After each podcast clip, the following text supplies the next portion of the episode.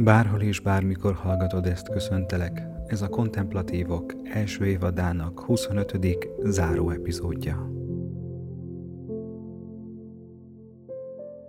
Az előző részt azzal fejeztem be, hogy még egy kicsit visszatérünk arra a témára, hogy hogyan lehet a gondolat pörgéseinkből, az avaró gondolatainkból visszatérni a jelenbe, a jelenlétbe, az igazi önmagunkhoz, az igazi énünkhöz.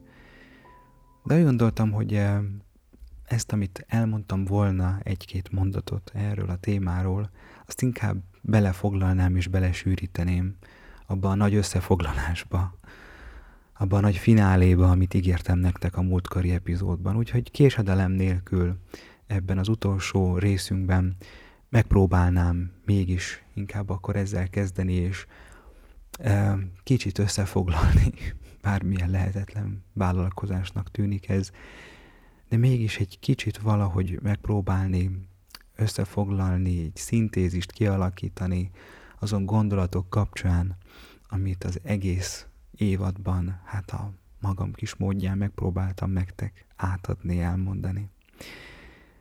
Kezdjünk is bele. Ha valahogy össze kéne foglalnom ezt a témát, miről beszéltünk, miről beszélünk, akkor valahogy ezt így foglalnám össze. Jelenlét a jelenlétben. Azt hiszem ebben minden benne van. A nagybetűs jelenlét, amelyet megtapasztalunk a belső világunkban is megtapasztalunk magunk körül, és ebben a mi saját jelenlétünk, amiben mi magunk jelen vagyunk.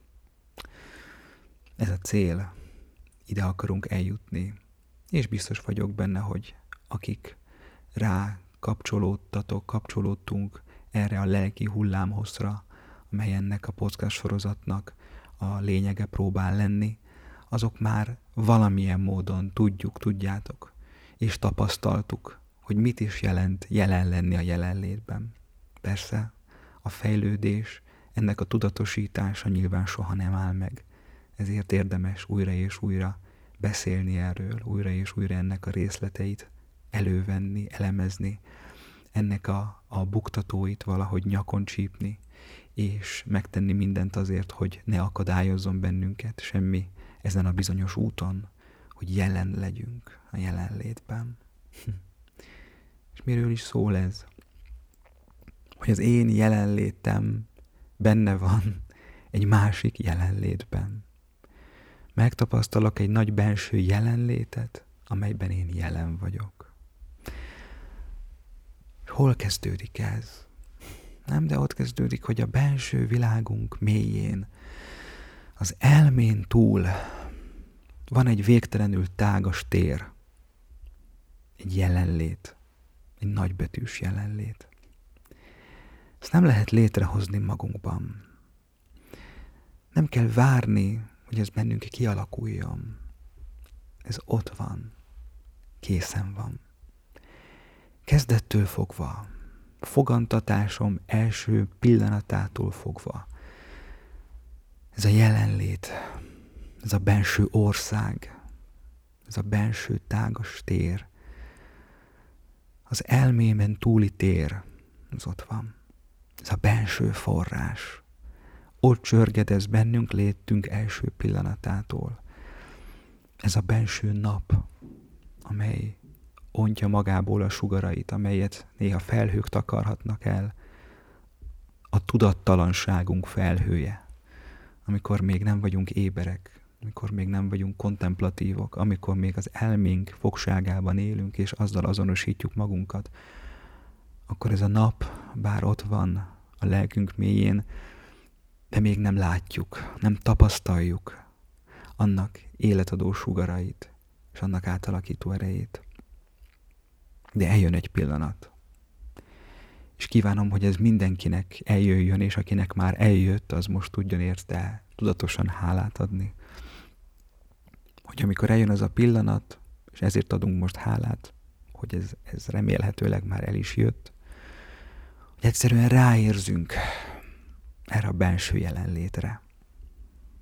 Van egy ilyen pillanat, vagy pillanatok sorozata De van egy történés, egy belső esemény valahol ott a belső világunkban, amikor egy kimondhatatlan módon, de felébredünk. Amikor ráérzünk erre a belső világra, erre a belső jelenlétre. Amikor érezzük, hogy legalább pár pillanatra eltávolodtunk az elménktől való azonosulástól. Szinte mintha kikapcsolna legalább pár pillanatra az elménknek az a pörgő dinamikája. És szinte mintha kívülről néznénk ezt az egészet. És arra gondolnánk, hogy ki ez, akinek ilyen gondolatai vannak? Egyáltalán hogy lehet az, hogy én azt nézem, hogy nekem milyen gondolataim vannak? Ki ez az én, aki azokat a gondolatokat nézi? Ki ez a szemlélő? Hm. Hát akkor a gondolataim az nem én vagyok, az elmém az nem én vagyok, hanem hozzám tartoznak nagyon erősen, de az az én, az a szemlélő én, aki még bizonyos pillanatokban szinte kívülről rá tud nézni, rá tud reflektálni a saját gondolataira, hát az kicsoda? Az honnan jön? Az hol van? És talán itt kezdődik az ébredés. Amikor ennek kapcsán, amikor ráérzünk arra, hogy mi nem vagyunk azonosak az elménkkel, itt ráérzünk erre a mélységes belső valóságra, hogy az agyunkon túl, az elménken túl, amivel sajnos az emberiség nagy része azonosítja magát, még vallásgyakorló emberek is, itt ráérzünk, hogy nem vagyunk vele azonosak, hanem van bennünk egy belső világ. És ilyenkor önkéntelenül valahogy melkastáékra tapintunk. Miért? Ki tudja. De azt mondjuk, hogy ez ott van. Ez ott van, ez ott lüktet, ezt ott érezzük, ezt ott fogjuk, ezt ott tapasztaljuk. Szívtájékon. Valahol arra felé. És talán elkezd egyre jobban veszíteni csupán szimbolikus mi voltjából az, amikor például a Biblia vagy más misztikus szerzők azt mondják, hogy a szív. Mint hogyha ez nem csupán egy szimbólum lenne, hanem nagyon is valóságos. Valóság. Ott arra fele érezzük ezt a másik világot. Dadogunk, nem lehet ezt kimondani, és szimbólumokra mindig szükség lesz. De valahogy arra felé, nem az agyunkban. Valahol ott belül, melkastájékon érezzük azt a, azt az ébredést, azt az új világot, azt az új intimitást, ami mindig is ott volt bennünk. De jött egy pillanat, hogy ezt megéreztük, ráéreztünk, megtapasztaltuk. Úgy tűnik, hogy ezekben a pillanatokban sikerül megtennünk az utat, azt a bizonyos leghosszabb utat az agyunktól a szívünkig az elménktől a lélekig. Ebben van az ébredés. Amikor valaki felfedezi a belső világát, a szív, a lélek világát, az elmén túl, az agyi képességeinken túl. Ez a tapasztalat világa, ez a misztika világa, mikor felébredünk erre a belső jelenlétre. És innentől kezdve minden más. Az alapoknál kezd változni valami. Egyszerűen, akaratlanul is szinte másképp nézek a körülöttem lévő valóságra. Másképp gondolkodom a körülöttem lévő valóságról, személyekről, kapcsolatokról, dolgokról körülményekről. Nem mert így döntöttem, hanem mert ha az alapoknál változott valami, akkor ez láncreakciószerűen kifejti bennünk a hatását. Mikor felébredtünk, onnantól kezdve már nem tudunk úgy élni és úgy gondolkodni, mint hogyha ez nem történt volna meg velünk. Onnantól kezdve minden más. És beköszönt az életünkben egy új világ, egy új látásmód. Valami, ami egészen új, és valami, amit oly nehezen tudunk megosztani azokkal, akik még ezt valamiért nem tapasztalták meg. Viszont nagy örömöt érzünk akkor, amikor valakivel, valakikkel, akik hasonló tapasztalattal rendelkeznek, ez szinte szavak nélkül, csupán egy tekintettel, csupán félszavakból már meg tudjuk egymást értetni, és meg tudjuk ezt egymással osztani. De ezt az ébredést nem lehet létrehozni. Ezt az ébredést nem lehet magunkban megcsinálni. Nincs technika, nincs módszer, hogy hogyan ébredek föl. Ez egyszerűen egy megfoghatatlan dolog, egy megmagyarázhatatlan dolog, hogy kinek, mikor, miért és hogyan történik ez az életében. Nehéz erre objektív dolgokat mondani. Mégis, ha valami objektivitást meg tudunk ezzel fogalmazni, Richard Rohr mesterünket követve, aki azt mondja, hogy igen, az ébredést általában a nagy szeretet tapasztalat és a nagy szenvedés tapasztalat hozza létre. Nincs más technika idézőjelben. Aki már szeretett úgy igazán, és hozzáteszem, emberi lényt. Aki már szeretett, vagy szeret valakit úgy nagyon, és akit már viszont szerettek, emberileg, úgy igazán, talán ebben a szeretett tapasztalatban érhetünk el a szívünkig, és ébredhet föl bennünk a jelenlétnek a tudata. Talán nem véletlen, hogy a nagy misztikusok, és most itt például keresztes Szent Jánost hagy hozzam be, aki az emberi párkapcsolat, az emberi kölcsönös szeretet képében, szimbólumában találja meg azt a nyelvezetet, amely által az Istennel való mélységes egyesülésről beszél. Ez annyira megdöbbentő, hogy nem egy e, abszolút értelemben vett vallásos képet vesz igénybe, hanem egy egészen földi képet, egy emberi valóságot. Két egymás szerető ember kapcsolatán keresztül mutatja be azt, hogy mit jelent az, hogy az Isten szereti az embert, és az ember őt viszont szereti. Mint hogyha az tűnne ki ebből, hogy emberi szeretet tapasztalat nélkül valahogy, mint hogyha nehezebben jutnánk el valaha ehhez a belső valósághoz. De aki már szeretett, vagy szeret úgy igazán, emberi szinten, és akit már viszont szerettek, az tudja, hogy miről szól ez, és talán ebben a tapasztalatban ébredhetett föl valaki az ő saját benső világára. De tudjuk, hogy sajnos nem csak ez a valóság ébreszthet fel minket, hanem talán legtöbbször mondjuk így a szenvedésnek a tapasztalata, a fájdalom tapasztalata, amely nyilván olykor ezer szálon összefügg az előző említett tapasztalattal, a szeretet tapasztalatával. Hogy a legnagyobb szenvedés az életünkben olykor pontosan a szeretet kapcsolatainkkal történő dolgok miatt következik be az életünkbe. A csalódás miatt, a veszteség miatt. Hogy elveszítünk valakit, vagy hogy a szeretet úgy tűnik, hogy összetörik és megtörik.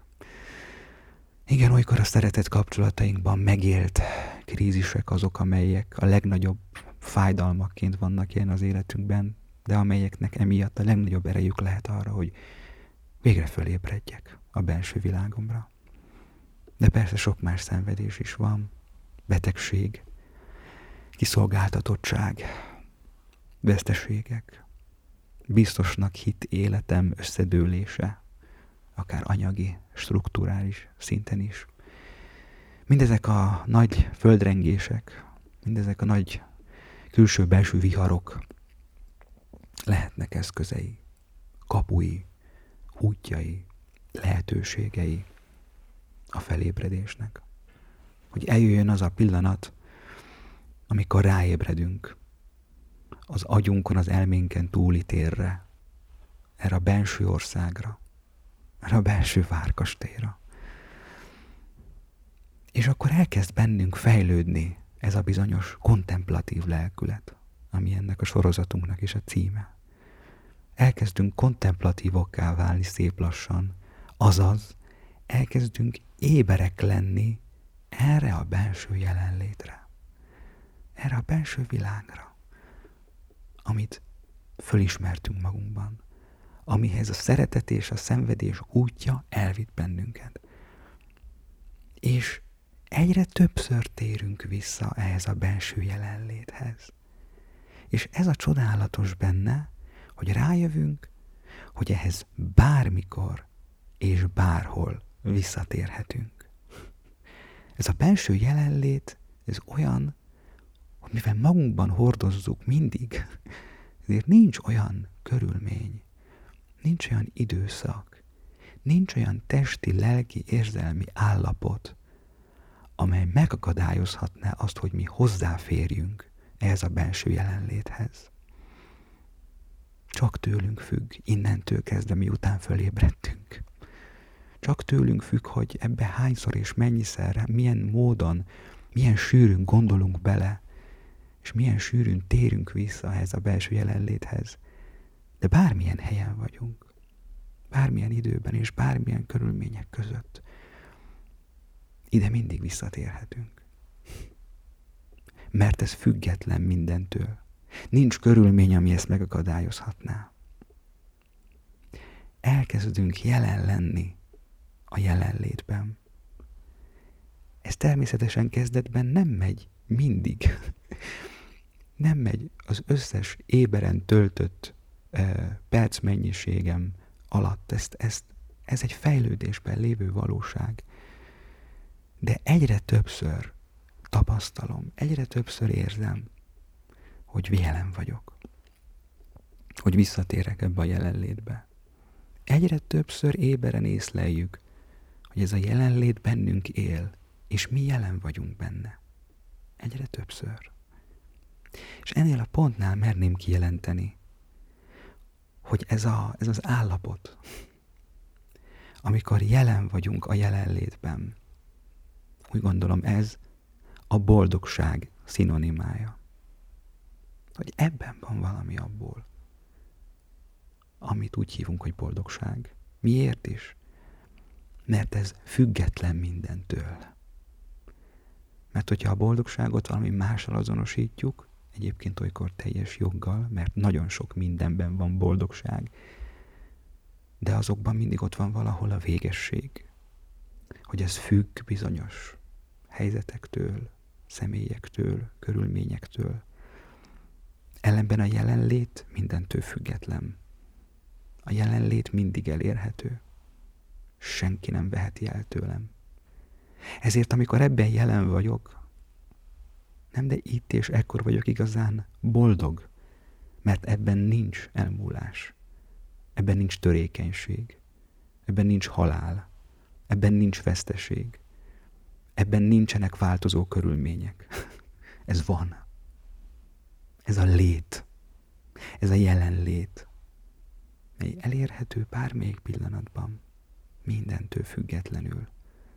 Nem, de valahogy ebben tapasztaljuk meg, hogy amit az emberiség igazából keres, ami minden eh, eltévesztett, vagy nem eltévesztett boldogság keresés mögött van, az ennek a keresése. És hogy milyen véghetetlenül szerencsések azok, akik ezt már fölfedezték magukban. Mert mindenki ezt keresi. És emiatt elkezdünk egyre többször függetlenedni a pörgő gondolat folyamunktól, ami eddig kúsba kötötte az életünket. Mert az elménkben éltünk csupán, a gondolatainkkal azonosítottuk magunkat, és azt hittük, hogy az a létünk, az a valóságunk, az az énünk és identitásunk, ami a gondolatainkban van. Az a belső értelmetlen dialógus, az a magunknak való beszéd, az a magunknak való esemény kommentálás, hányszor meg hányszor tette keserűvé az életünket. Egyébként ez amíg élünk vissza fog térni, de egyre kevesebbszer. Mert elkezdünk egyre többször függetlenedni ettől a pörgő gondolat folyamtól. És elkezdünk egyre többször visszatérni a belső világunkba, a szívünkbe, és nem az agyunkban töltjük minden időnket, hanem visszatérünk a jelenlétbe. És akkor pár pillanatra, vagy percre, vagy bármilyen időre, de néha kikapcsol ez a gondolatfolyam. Aztán lehet visszatér, de nem baj. Szeliden, gyöngéden elfogadjuk emberi törékenységünket. És ez így szép.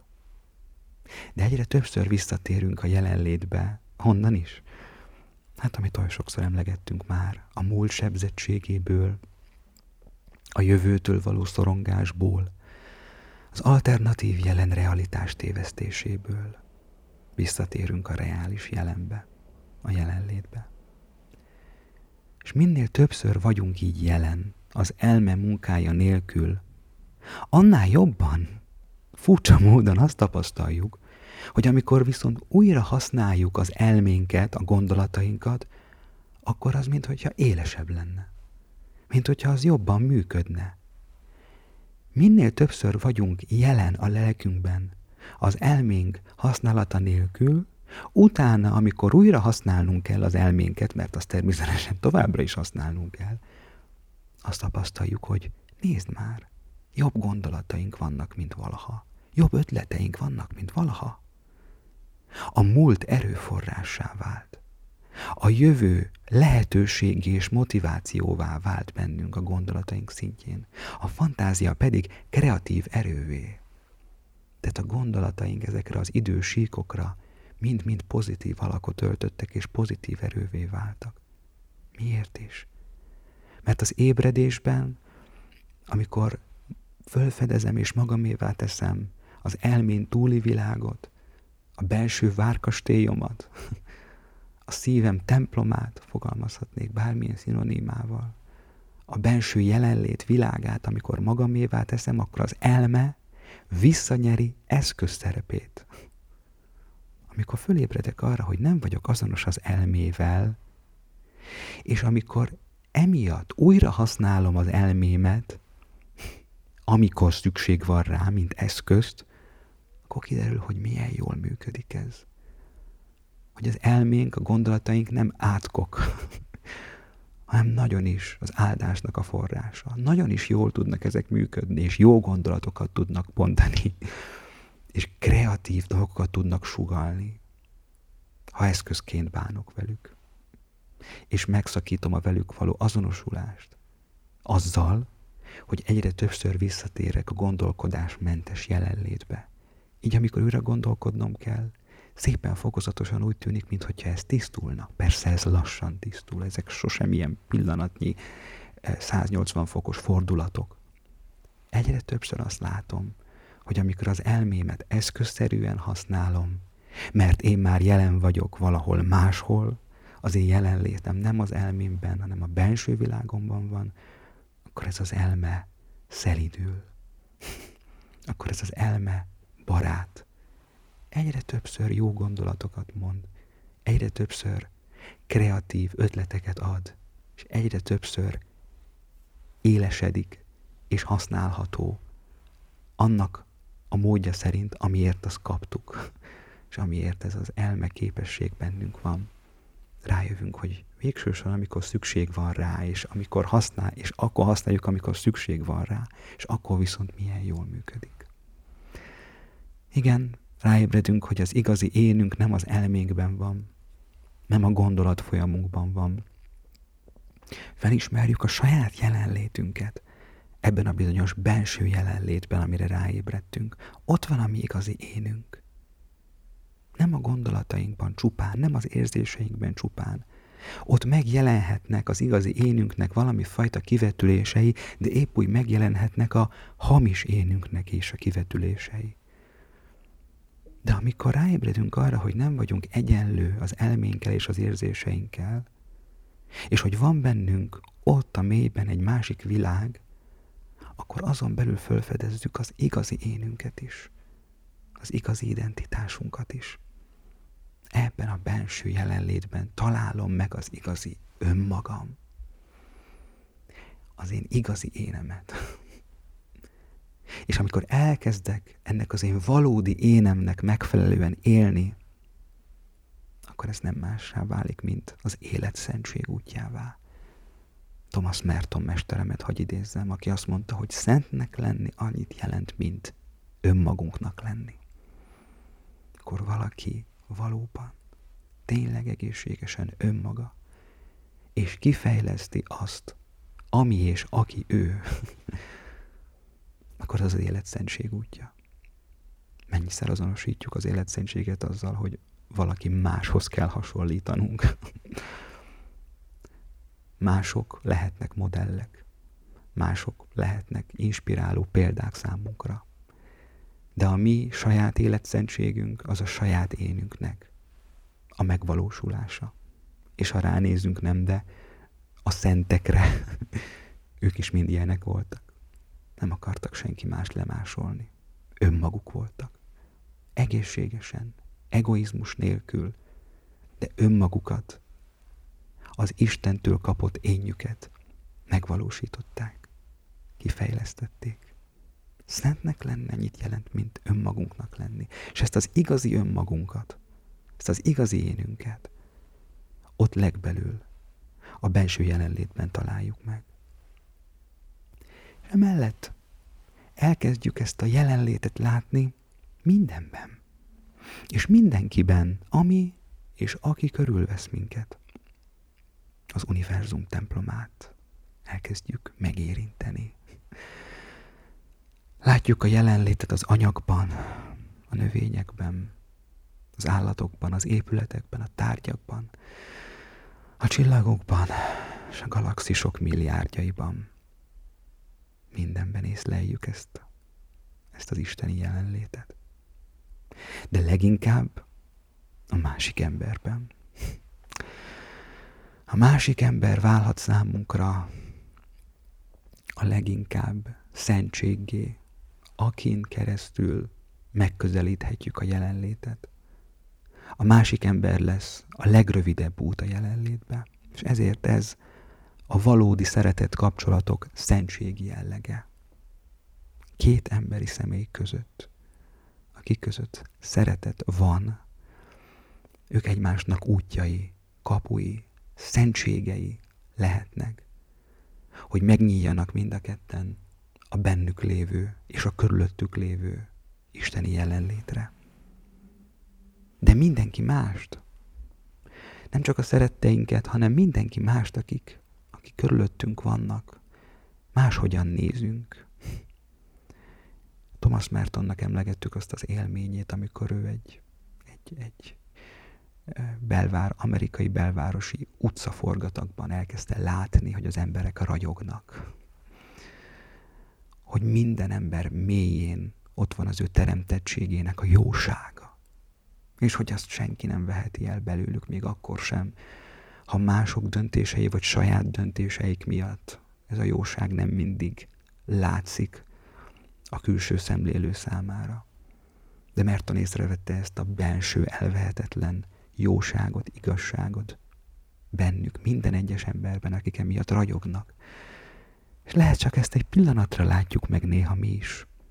De onnantól nem, de más, hogy nézünk mindenkire. És ez nem azt jelenti, hogy mindig minden pillanatban sikerül mindenkit tökéletesen szeretnünk. Jaj, de hogy. Amíg élünk, ebben lesznek hiányosságaink, és gyengeségeink, és küzdelmeink, és hibáink.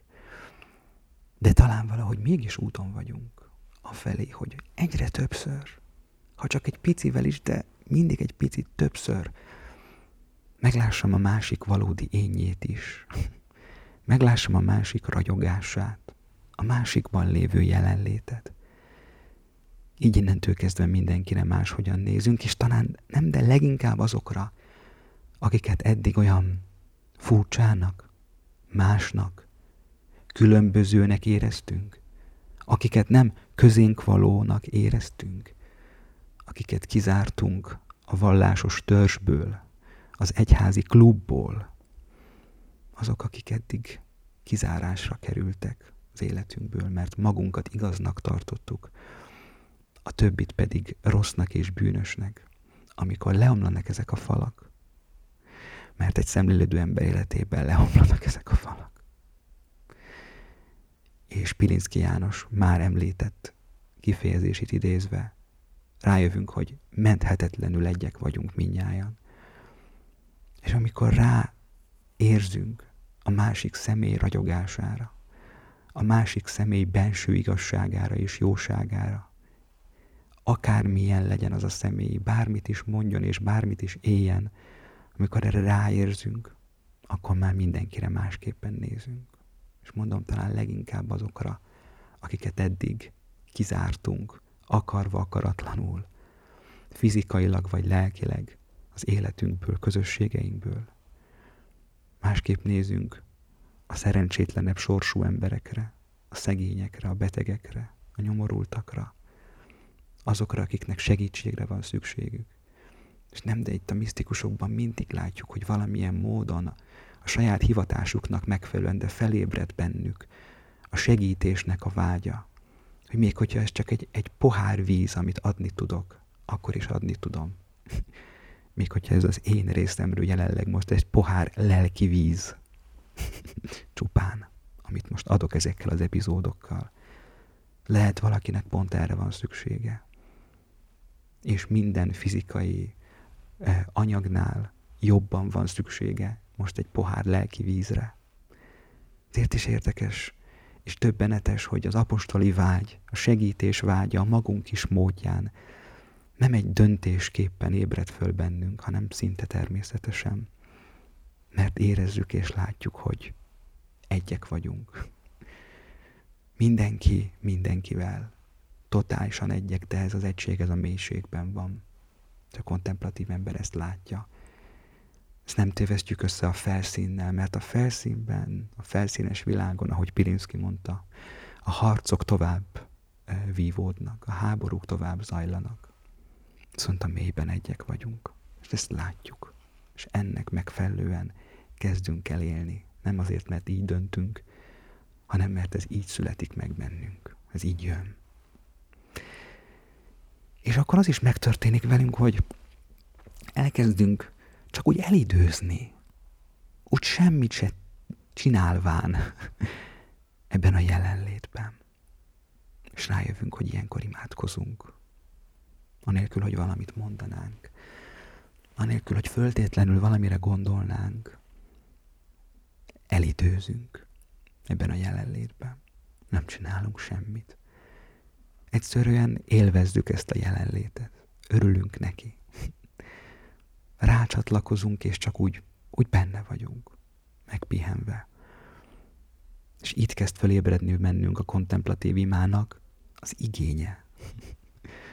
Hogy ez már nem lesz kötelezettség, meg elvárás, hanem igény.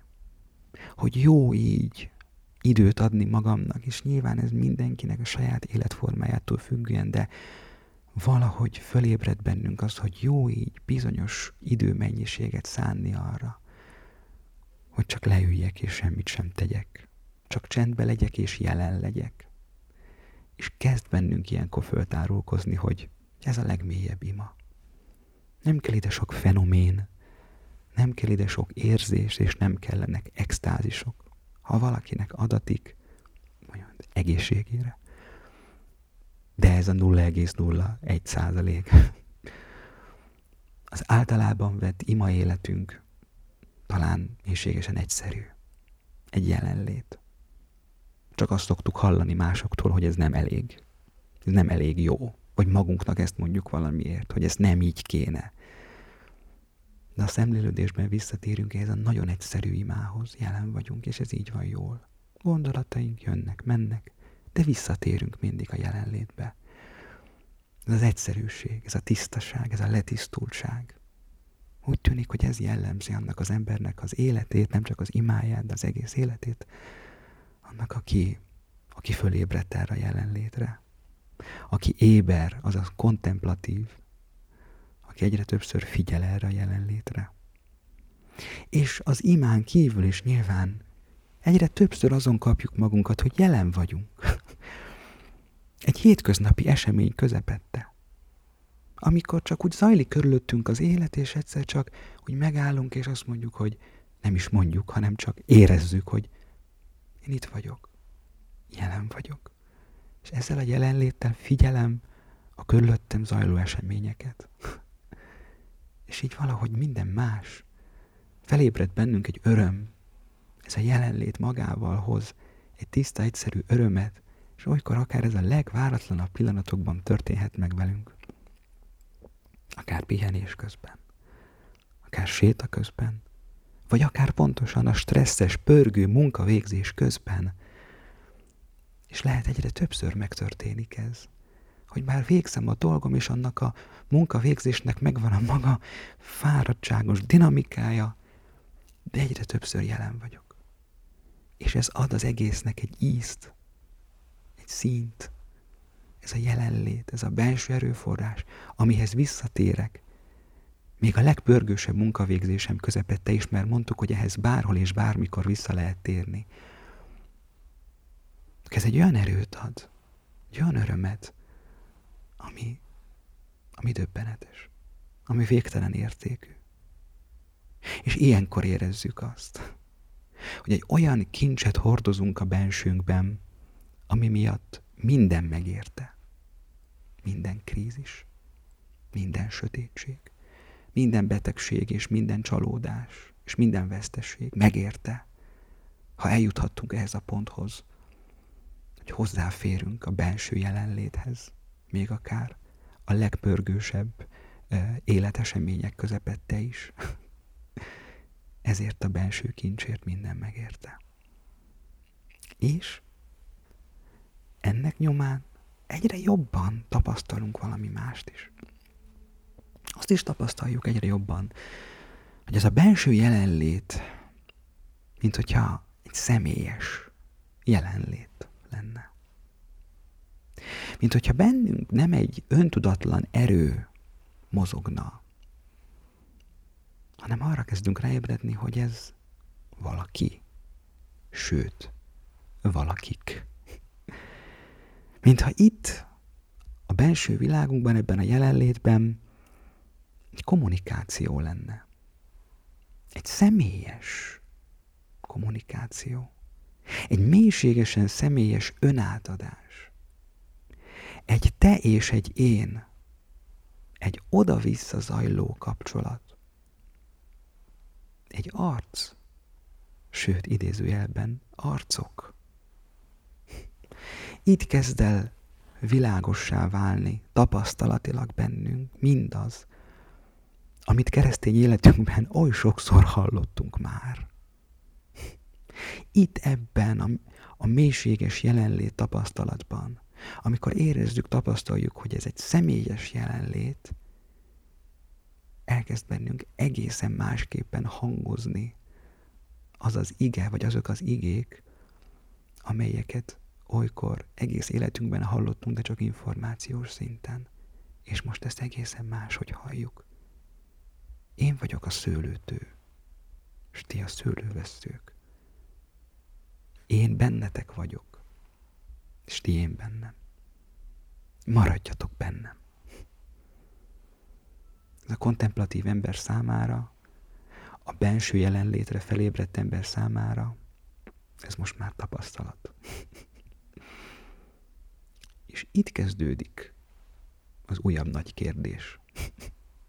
És erről fog szólni a következő évadunk. Ki ez, aki bennem van, illetve kik ezek, akik bennem vannak. Ezzel zárom le ezt az összefoglalást, és visszautalok erre az utolsó mondatra, mert ugye hát érzeztétek, hallottátok, hogy ezzel már az elő, a következő évad témáját vezettem be. Erről szólna majd a következő évadunk, hogy ez a belső személyes jelenlét, ez vajon ki és vajon kik. És hát nyilván konkrétan arról szólna ez, hogy ki az az Isten, az a személyes valóság, amit, akit mi Istennek hívunk, az vajon, vajon ki lehet? És tudom, hogy ez egy olyan kérdés, hogy hát mm, még erről beszélnünk kell, hát ez nem, de természetes, főleg vallásgyakorló embereknek. És tudjuk, hogy ez nem biztos, hogy természetes. Érdemes néha a, a, a, a, a, csontszáraz alapokról elindulni, a legtriviálisabb alapoktól elindulni, és föltenni magunknak ezeket a kérdéseket, hogy ki ez? És ugye itt jönne be az én egyik nagyon-nagyon szeretett témám, az Isten kép témája, amivel szeretném elkezdeni a következő évadot majd. Egyszerűen megállapítani azt, hogy, hogy ki az? Milyen lehet az az Isten, aki bennünk él? és ahhoz képest, amilyen ő, esetleg mi mit gondolunk róla? Milyen képek vannak bennünk őróla? Ezt mindenképpen ezzel a kérdéssel foglalom össze, hogy, hogy ki ez? ki ez a valóságban, és ki ez a mi kis képeinkben, és a kettő között mennyi kohézió van. a kettő között mennyi kapcsolat van. És nyilván az lesz majd a célunk, hogy a kettő közötti kapcsolat, az Isten valósága és a bennünk élő, őról a szóló kép között ez a kapcsolat egyre egyre erősebb és egyre valósághűbb legyen, hogy egyre jobban az a kép éljen bennem, egy olyan kép, ami megfelel egyre jobban annak a valóságnak, amilyen ő. És egyből hozzáteszem a többes számú kérdést is, mert itt hallottátok az előző összefoglásban is, amikor azt mondom, hogy valakik és arcok, hogy kik ezek. Igen, mert itt mintha nem egy magányos jelenlétet fedeznénk fel, hanem egy többes jelenlétet egy plurális jelenlétet.